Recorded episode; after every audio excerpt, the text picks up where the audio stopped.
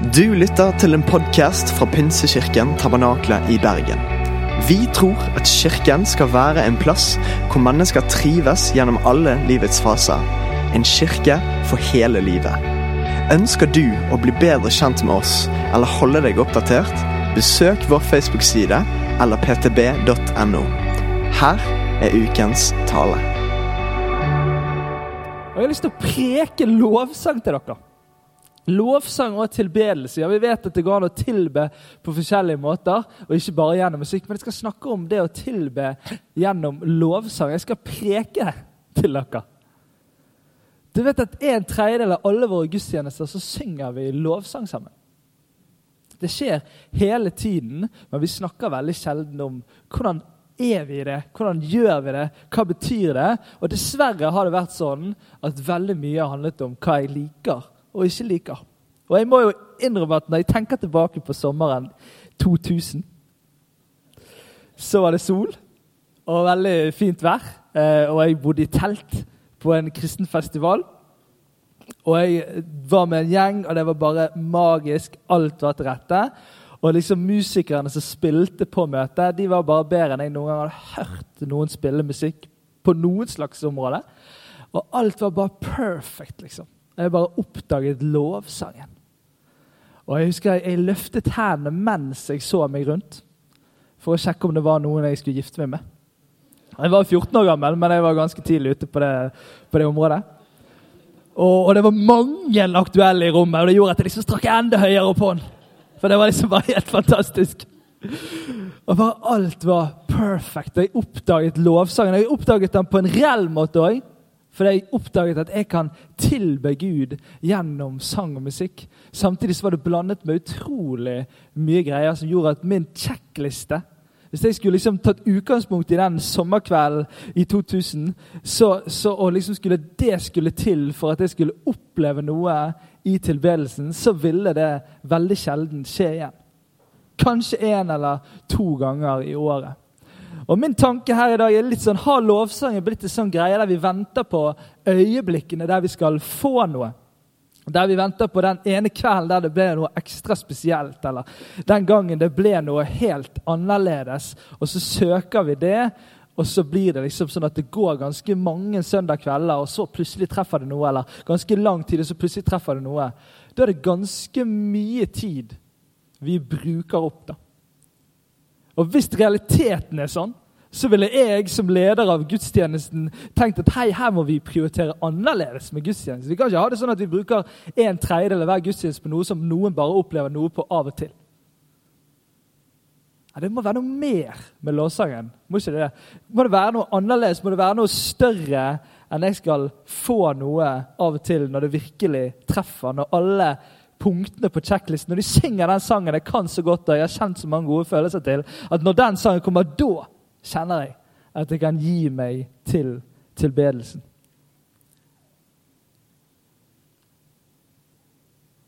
Jeg regnet på det. Det ble ikke så bra regnestykke. Men jeg regnet på at det, var, det, det er ca. 1500 minutter vi lovsynger på et år. Det er litt over et døgn med konstant lovsang i våre gudstjenester, hvis vi tenker en gudstjeneste per uke. Jeg skal snakke om noe. Det her det er liksom følelser, det er musikkstil, det er tanker, det er foreldre, det er oppvekst. Det er så mye greier i dette. Jeg kommer til å snakke litt sånn tydelig. Um, og Jeg håper at du liksom forstår at det er ment på en god måte, og et ønske for å klare opp og frigjøre. egentlig. For For meg har jeg hatt en reise med lovsang der jeg har virkelig vært glad i lovsang. Jeg har ledet masse lovsang. Jeg har stått i den tjenesten, og jeg har stått for lov til å lede folk som leder i, i lovsang. Jeg vet hvor mye greier som ligger i dette. da. Men jeg har lyst til å bare snakke litt tydelig om det, og kanskje rette litt opp, eller for noen av dere minne litt på, eller liksom ta litt tilbake på riktig spor når det gjelder det å tilby og det å sammen den tiden vi har i tilbedelse. Hver eneste søndag, og i kanskje andre settinger òg, der du er med, og det blir lovsang og tilbedelse i den settingen du er i. Du hører da, Lovsang er ikke noe du får, men det er noe du gir. Og det er når du gir noe i lovsang, at du får noe i lovsang. Ok? Lovsang er ikke noe du får, det er noe du gir. Og det er når du gir noe i lovsangen, at du får noe i lovsangen. Ja, for jeg tror man får noe i lovsangen, men jeg tror det starter med å gi. Det handler om å gi tilbedelse. Det er der det hele begynner. Utgangspunktet for lovsang er at Gud er nok og har gjort nok til å fortjene lovsang og tilbedelse til evig tid. 1500 minutter hvert døgn. Det, det, er litt for mye, for det er 25 timer. Men, men, eh, men, eh, men det er utgangspunktet for lovsang og tilbedelse. Og Hør nå dette her, da. Er du klar for å høre dette? Det du liker eller ikke liker, er egentlig ikke så veldig viktig.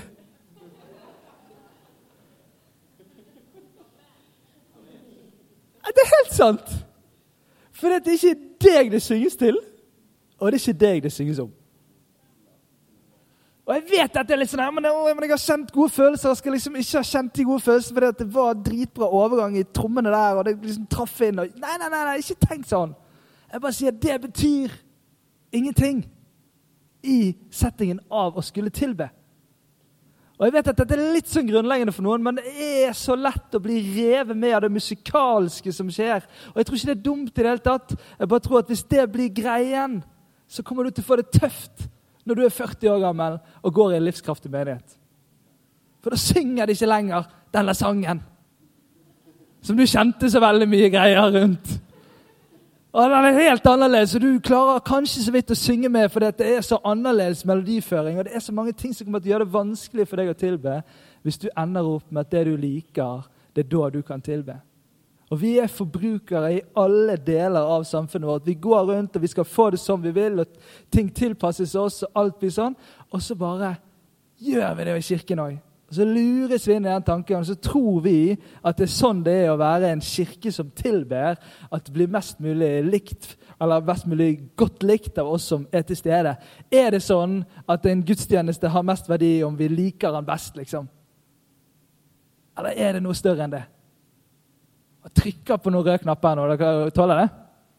Det er bra. Ok, jeg sier en. Det du liker eller ikke liker, betyr ingenting. Oh, det er tøft å si det, men det ligger der. Jeg står i manus, må si det. Ok. Vi skal inn i en helt vanvittig historie. og Når vi går inn i historien fra, fra Bibelen, så tror vi at de skjedde. At det skjedde liksom, på ordentlig. Ikke sånn å, det var en fin historie som skulle få oss til noen tanker som vi skulle tenke over, og derfor så ble historien skrevet ned. Vi tror historien skjedde. På ordentlig. Og denne historien skjedde på ordentlig for ca. 2000 år siden. Hvor lenge kan vi si det før vi må liksom redigere det, egentlig? Jeg har sagt det i hvert fall ganske lenge. Men det, det er veldig rundt tall. Det er lov å bruke rundetall lenge. Ok, Situasjonen er en som heter Paulus, og en som heter Silas. De er rundt og bare skaper trøbbel fordi de går rundt og preker om en som heter Jesus. Og det skjer ting når de preker om han. Folk blir eh, fri fra ting som binder dem. Folk blir eh, forandret, eh, sånn at andre mennesker rundt blir irritert for det som har skjedd. Og Det som er faktisk forhistorien til denne historien, er at det er en som blir fri fra onde ånder. Og det er en som har tjent penger på at denne personen hadde disse tingene i seg. Og så blir denne personen fri fra det fordi de ber om det i Jesu navn. Og så ender de opp i fengsel. Og nå skal vi lese dette. Jeg skal lese først eh, fra vers 20 til 25. De førte dem fram. Altså de som har reagert, klikket, blitt sint på Paulus og Silas, fører de fram for byens romerske dommer og sa disse mennene lager bråk i byen vår. De er jøder, og de forkynner skikker vi ikke har lov til å godta eller følge, vi som er romerske borgere. Folkemengden deltok også i angrepene på dem, og dommerne fikk klærne revet av dem og befalte at de skulle piskes. De fikk mange slag og ble satt i fengsel, og fangevokteren fikk ordre om å vokte dem godt. Da han hadde fått den ordren, kastet han dem i det innerste fangehullet, løste føttene deres fast i blokken. Ved midnattstider holdt Paulus og Silas bønn og sang lovsanger til Gud og fangene lyttet til dem. Altså, det er bare tusen grunner til at Paulus og Silas ikke akkurat denne kvelden skal holde bønn og lovsangsmøte. Altså, Det er helt horribelt hvor mange grunner det er egentlig. Altså, De har blitt offentlig ydmyket etter å ha fulgt det de mener Jesus sier de skal gjøre. De har blitt ydmyket av å kastet av klærne. altså En, en, en ydmykelse på så høyt nivå. De har, de har blitt fysisk vold mot dem. Pisket. Det er ikke sånn der, har ikke tok frem en liten sånn linjal. Det er liksom piskeslag. Det er blod, det er smerte. Og så blir de kastet i fengsel, frarøvet friheten til å gå der de skulle gå. Og så sitter de der inne, og så skjer det et eller annet med at de bestemmer seg for å holde lovsangsfest. Og jeg vet ikke om Paulus, liksom, når han sitter der i fengselet, før han kommer til dette med, med lovsangsfesten, begynner å tenke seg litt om. Kanskje begynner han å tenke at jeg hadde det ganske bra før jeg traff Jesus. Jeg var en velkjent lærer, beste i min gruppe. Jeg hadde masse mennesker som hørte på meg i alt jeg gjorde. Jeg hadde god inntekt, jeg hadde alt an anerkjennelse i samfunnet. Jeg hadde alt som skulle til. Det må jo ha kommet inn en liten sånn tanke. Du vet at Paulus var helt vanlig menneske. Hvis du leser i brevene, Paulus skriver de fleste brevene, så kommer det ganske tydelig fram at han er et vanlig menneske med masse vanlige følelser. Det er ganske sannsynlig at Paulus kan ha tenkt noen av disse tankene. Hva er det som gjør at Paulus ender opp sammen med sin gode venn Silas og begynner å lovsynge?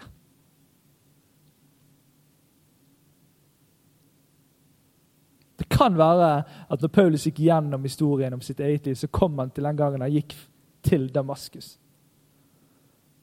Og så plutselig kom det et sinnssykt sterkt lys jeg føler egentlig jeg er i den historien nå. for Det er utrolig sterkt, det lyset der. Jeg kan ikke bare se der, så føler jeg jeg er Paulus akkurat nå.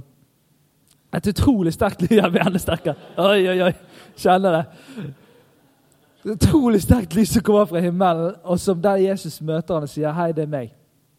Den som du forfølger. For Paulus han var en av de som skulle ta og få slutten på denne opprørske gjengen som gikk etter Jesus og lærte ting de ikke skulle lære. Han var en av de som skulle stoppe det. Og så møter han Jesus. Blir han blind? Kjempepositivt. Han blir fysisk blind og, og må gå av sted. og Det tar en lang stund. Men møtet med Jesus gjør at Paulus som gikk denne veien, ender opp med å snu seg rundt og gå helt andre veien. Han forlater alt det han nå kanskje har sittet og tenkt på, og så begynner han å gå inn i noe som bare er helt annerledes. Det er offentlig ydmykelse istedenfor offentlig hedring. Det er liksom full fysisk eh, straff med vold og vonde ting. Det er alt vondt som kan være. Hva er det som gjør det? Fordi Paulus han har møtt Jesus. Og så forestiller jeg meg da, at Paulus han har, han har evnen til Han har kommet langt i sitt forhold til Jesus, som gjør at han han hver gang han liksom kommer inn og så ber han, men dette gjorde du for meg. Altså Han går tilbake og minnes det som Gud har gjort for han, som gjør at han midt i en helt håpløs situasjon begynner å velge å tilbe. Og du hører min checklist, eller din checklist av et eller annet som skal til for at liksom lovsangen, at jeg klarer å koble meg på med en gang. Første sangen, eller etter hvert. Den blir ganske tullete i møte med det forholdet som Paul sitter i, når han velger å tilbe. Og Jeg vet at vi liksom har snakket litt om det å velge, og vi kan bli litt sånn her å, Alt er bare noe du velger deg inn i. Men det hør, da. Viljen vår, ønsket om å bare si men jeg vet at Gud har gjort noe bra for meg. Selv om når jeg kommer inn i rommet her i kveld, så kjenner jeg på fryktelig mange andre følelser enn de gode følelsene. Og så bare vet, men Gud han har gjort dette for meg. Han har sagt disse tingene til meg. Han, han er denne i livet mitt. Og så velger man å tilbe, selv om ikke alle følelsene og den gode settingen er der. Jeg bare kjenner Denne historien utfordrer meg. da. Drar meg i en retning av at jeg ikke trenger liksom å ha to sanger å varme opp på. Før jeg liksom kjenner at nå kan jeg være med deg, Gud, i den neste sangen. her, For nå kjenner jeg liksom at nå har jeg liksom Men at jeg kan koble meg på å velge å tilbe. Paulus og Silas de velger å tilbe. Og jeg tror noe av det handlet om at man fikk overblikket. Flink til å Eller så lever sånn i nærheten av det Jesus har gjort for oss. At det gjør at man kan velge selv om situasjonen er helt annerledes enn man skulle ønske. Evangeliet er det vi tror på, at det gode budskapet, at Gud han sendte sin eneste sønn. Fordi det forholdet som var mellom Gud og mennesker, var ment til å være sammen, ble brutt. Og så gjenopprettes det. Når Gud som skapte mennesker til, mennesker til fellesskap med han, så ble man igjen sammen med Gud. Og ikke bare her på jorden, men til evig tid. Det er det som skjer når Gud sender sin eneste sønn. Og så vet vi at det er litt bildebruk med denne eneste sønnen, men jeg begynner å kjenne på at det bildebruket det tar meg. da. For det er det som skal til for å forklare hva dette må ha kostet, hva dette må ha vært av en gave når man gir seg sjøl for menneskene. Kanskje handler valget om å tilbe, om å leve nært nåden, det som er gjort for oss, så vi kan bestemme oss for å stole på det og tenke på det og gå til det når vi skal tilbe Gud. For da er det sånn at en, en mørk, et mørkt fangehull ikke kan forandre situasjonen eller motivasjonen av å skulle velge å tilbe. Det er en profet som vi ikke helt liker å si navnet til. Han heter Habakuk. Og Jeg lurer på om han ble prekt litt lite fordi at det det navnet vi bare orker ikke si det i kirken. liksom. Jeg, prøvde, jeg tenkte på om jeg skulle si Habakuk. Ble det bedre? Min far sa jeg vet ikke om du kan tulle med det der. Slagmann med det. Jo da, det går sikkert fint. Han skriver noe i, i, i, i kapittel 3, og vers 17-18. Og Settingen rundt her jeg, jeg, kan ikke så mye om denne profeten, men jeg fikk en liten samtale før. Settingen er noe med at, at, at, at israelsfolket har fått lov til å leve i landet Israel så de har lov til å leve i, og så blir de forvist, eller de kommer ut igjen av det som var ment til å leve i. Og så er det krise, og så er det nød, og så er det bare frustrasjon. Og så skriver han en helt vanvittig sterk tekster. Og det her er litt sånn gammelt språk sånn, knyttet til liksom, jordbruksbusinessen. Eh, eh, men, men du, du, klarer å følge litt, tror jeg. Jeg skal forklare litt. For fikentreet blomstrer ikke. Vinstokken bærer ikke frukt. Olivenhøsten slår feil. Åkeren gir ikke mat. Sauene er borte fra kveen. Fjøset er tomt for fe. Men jeg vil fryde meg i Herren, juble i Gud, min frelser. Gud, Herren, er min styrke. Han gir meg føtter som en hind, som en hjort, og lar meg ferdes på høydene. Altså det er liksom bare, Han bare beskriver en håpløs av de håpløse situasjonene. Det er ikke sånn der eh, pusekatten ikke kommet hjem, liksom. Vi mangler pusekatten i hjemmet, liksom. Det er ikke det det snakkes om. Det snakkes om at hele livsoppholdet er tatt vekk. Olivenhøsten slo feil det året. liksom. Det er bare sånn krise. Altså, det er, det er ikke noe igjen. Det er ikke noe framtid og håp. Og så bare sier jeg, men jeg vil velge å lovprise. Jeg vil velge å fryde meg i Herren, juble i meg, Gud, min frelser. Hør da, Dette er noe med Bibelen, da, som forteller ærlig om livet som forteller ærlig om at livet har mørke sider. Det er ikke sånn at hvis man er en kristen, så er, forsvinner de mørke sidene. Det er ikke sånn. Det viser hele, hele bibelboken viser det. At menneskene går igjennom vanskelige ting. Denne historien vi er inne i nå, de sitter i fengsel.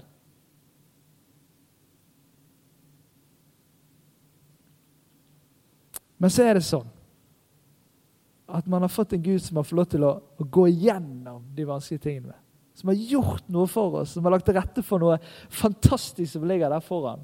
Og så får vi lov til å, å leve de her og nå. Og Jeg bare tror at det fins noe her i forhold til det å skulle velge å tilbe.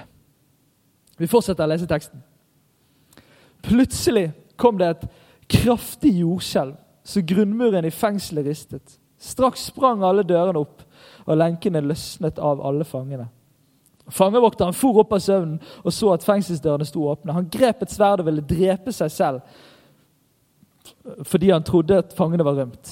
Men av all sin kraft ropte Paulus til ham, ikke gjør deg selv noe vondt, vi er her alle sammen. Fangevokteren ba om å få lys, løp inn og falt skjelvende ned for Paulus og Silas.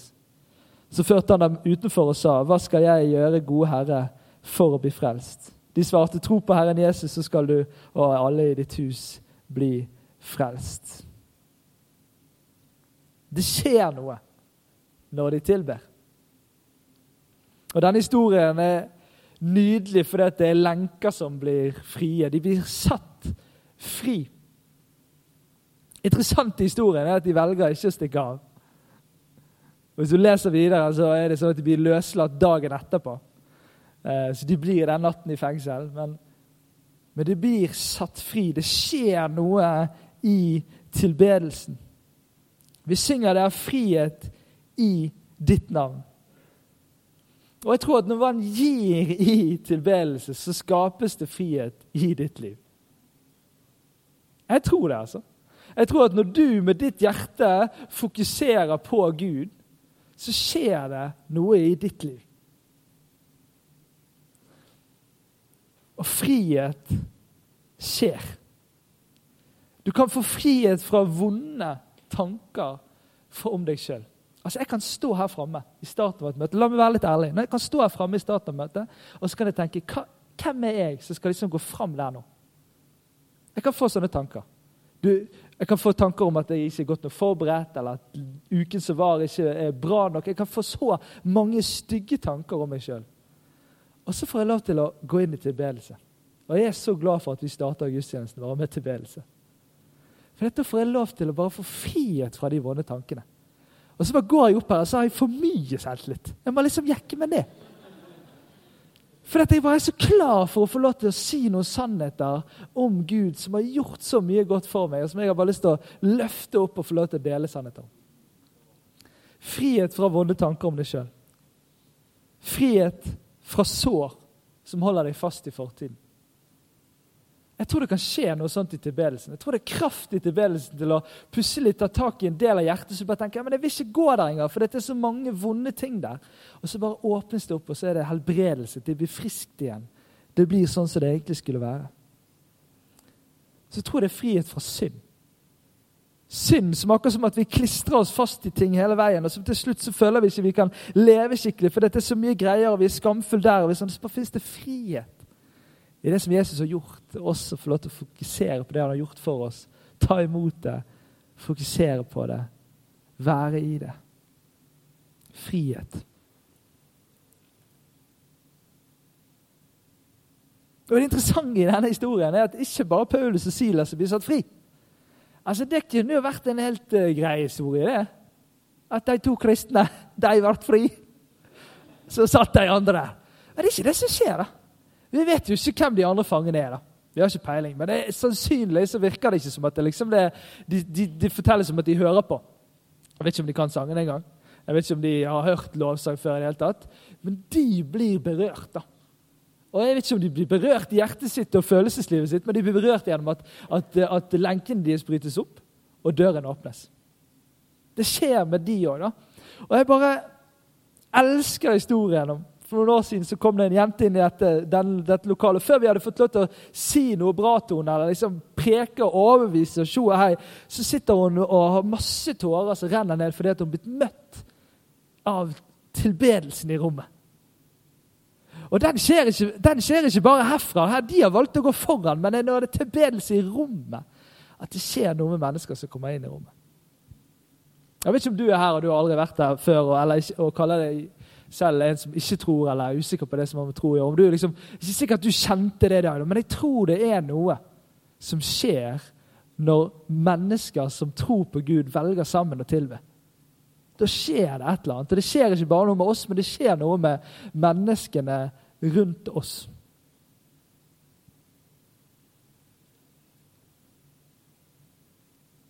Og Det er jo nydelig, det som skjer. La meg bare lese slutten av denne historien. Så førte han dem, altså fangevokteren utenfor og sa, 'Hva skal jeg gjøre, gode herrer, for å bli frelst?' For å bli en kristen. De svarte, 'Tro på Herren Jesus, så skal du og alle i ditt hus bli frelst.' Og de forkynte Herrens ord for ham og alle i hans hus. I den sene nattetimen tok han dem med seg vaskesårene deres, og han ble straks døpt med alle sine. Så tok han dem hjem og ga dem mat, og han gledet seg sammen med hele huset sitt over å få troen på Gud. Altså et rom, altså en atmosfære, et rom fullt av tilbedelse, gjør Jesus synlig. Altså Han blir synlig gjennom det. Om det er det at den som står med siden av deg, ser på deg når du synger, at du faktisk mener det du synger. Eller at den merker at det er et eller annet her denne, denne gjengen som er samlet, fokuserer på, som er større enn oss sjøl, vårt eget liv og det vi går rundt og sysler med. Det skjer et eller annet, akkurat som at Jesus blir synlig. Jesus ble synlig for denne fangevokteren, og han ble en kristen.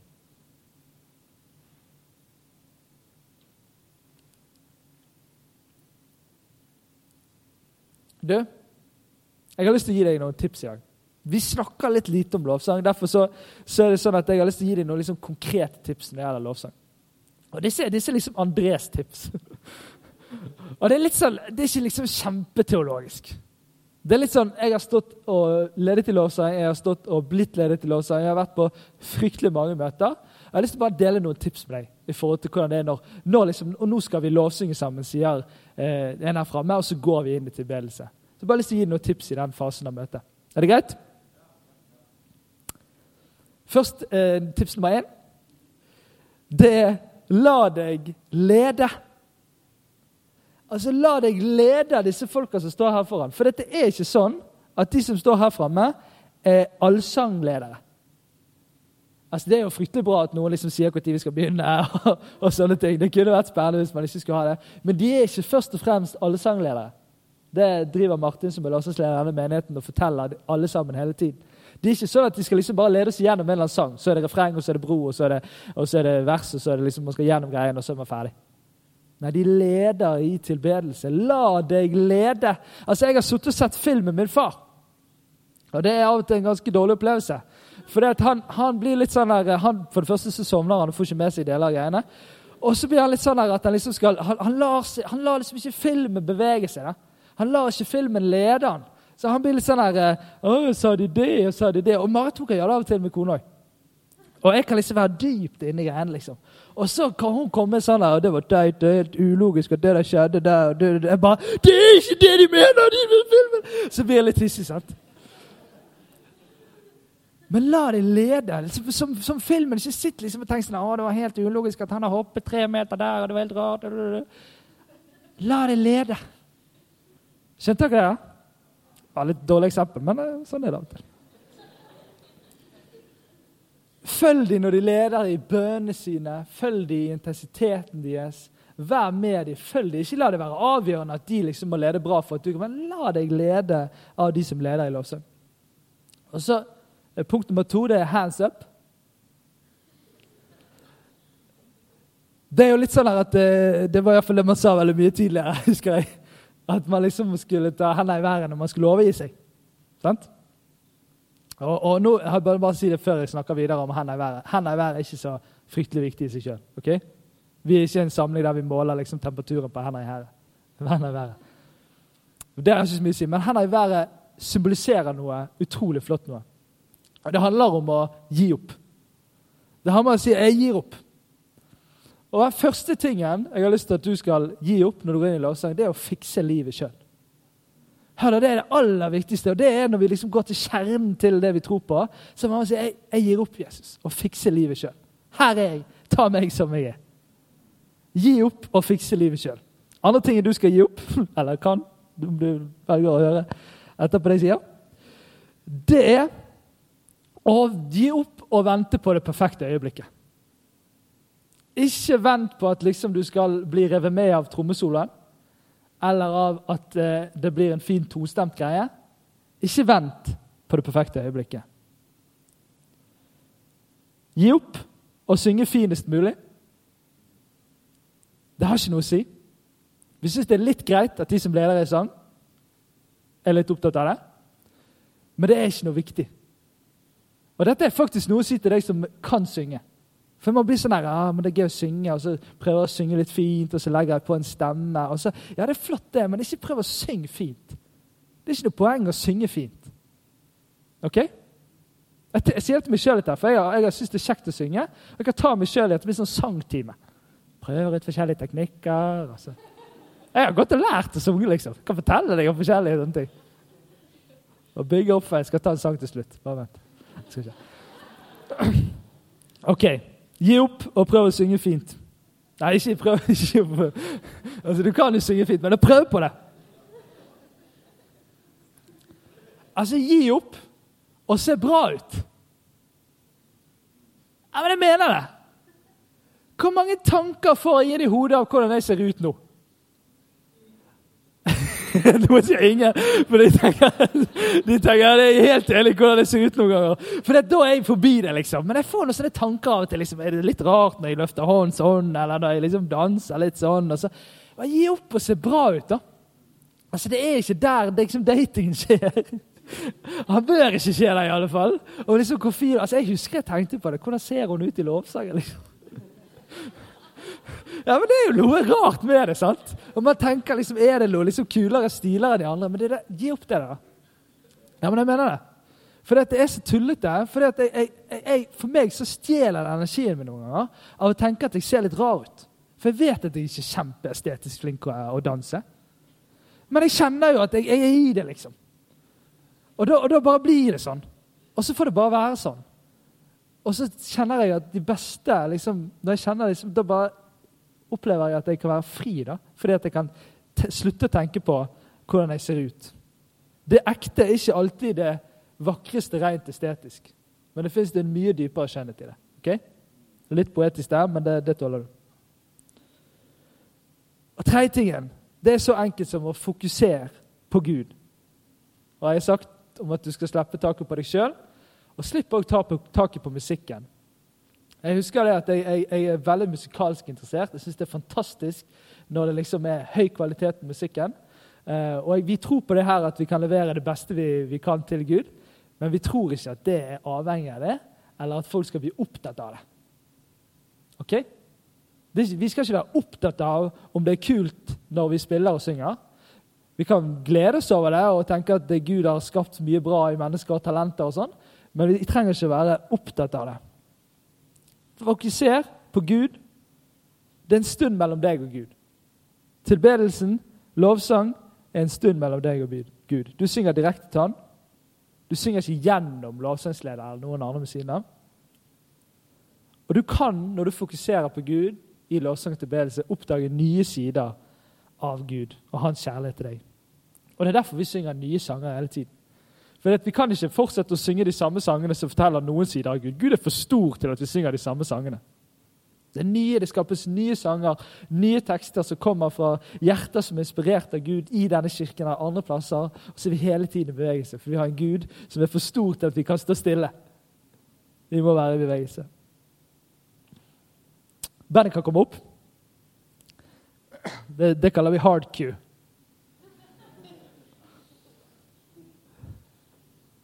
Det er sjelden det går feil, da, for å si det sånn.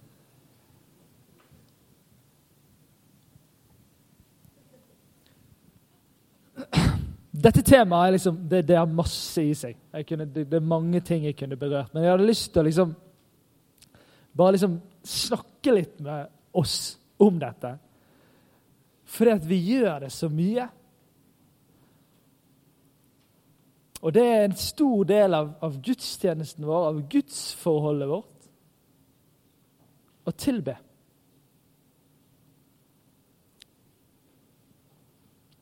Og hør, da. Jeg hører noen si at men lovsang er ikke min greie. Enten fordi man tenker at man ikke er så flink musikalsk, derfor så har man ekskludert seg sjøl, eller man syns det er rart med den formen den måten å gjøre det på. Og så har man sagt at liksom, det er ikke en greie for meg, det er en greie for disse. Og så ser man på i den delen av gudstjenesten, og så deltar man i andre deler av gudstjenesten. Hør, Jeg tror ikke på det, da. At det er sånn. At lovsang er for noen. Jeg tror det er noen som har i oppgave å lede inn i det og stå i fronten på det. Men lovsang er ikke for noen. Hør, da. Lovsang er for deg om du liker å synge eller ikke. Om du liker sangen eller ikke. Om du har det bra eller ikke. Om du liker de som leder lovsangen eller ikke. Om du føler for det eller ikke.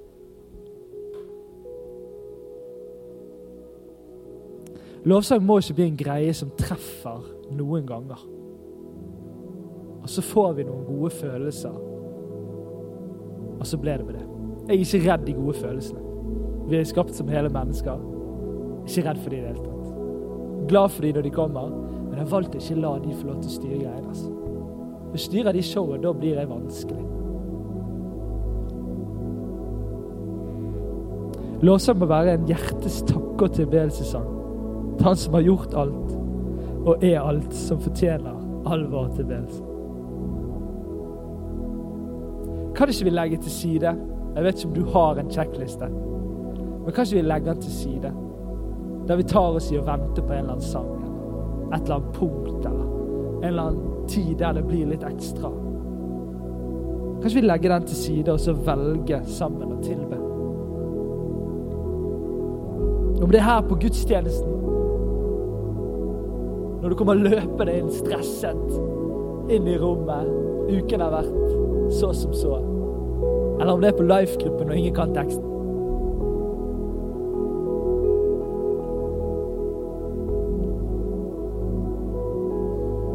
Eller om det er på Bybanen. Proppene i øret. og Noen kan se rart på deg fordi at du virker å leve deg litt vel mye inn i den sangen. La oss velge å tilbe Gud istedenfor å vente på et eller annet perfekt øyeblikk. For hør da, det perfekte øyeblikket for å tilbe Gud er alltid nå. Nå. Så skal ikke vi tilbe Gud nå. Kanskje du reiser deg opp?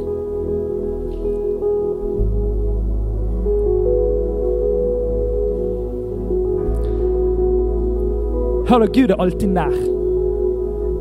Det er ikke sånn at liksom noen kvelder varer nærmere, og så noen kvelder varer lenger vekke. Vi tror at vi har en konstant Gud. Ja, det kan være sånn at det er noe spesielt som skjer noen ganger. og Vi skal ikke være redd for det og vi skal være glad for det. Men det kan ikke være sånn at Gud var nær en kveld, og så var ikke han nær. Men Gud er nær. Han har lovd oss å være nær. Og så kan vi velge å tilbe han. Og så skjer det noen ganger noen store ting. Plutselig rister det noe i livet ditt. Noen ganger så ble det en tilbedelse, en takkesang, der du fikk si noe godt til Gud. Der du fikk minne deg sjøl om noen gode ting, og der du fikk lov til å, å, å snakke sannhet inn i eget liv og andres liv. Men hør, da. Tilbedelse handler om at Gud fortjener all vår tilbedelse. Så bli med i tilbedelse nå når vi synger. Og Jeg har kjent litt på det når jeg forberedte meg det, at det, er noe, det, er noe fri, det, er noe, det skal skapes noe frihet. Gud ønsker å skape noe frihet i rommet. Eh, så, så liksom kjenn litt på det, om det er noen ting som du kjenner holder deg igjen. Er det noe som har med om, om det er menneskefrykt i forhold til hvordan du oppfører deg eller er på, eller om det handler om eh, kanskje ting som du har gjort i livet, så jeg tror det er noe sånn frihet som skal forløses. Det er noen lenker som skal brytes her. Det tror jeg på, altså. Eh, og så tror jeg på at vi skal sammen få lov til å tilbe. Han som har gjort alt for oss. Så kom han, la oss tilbe.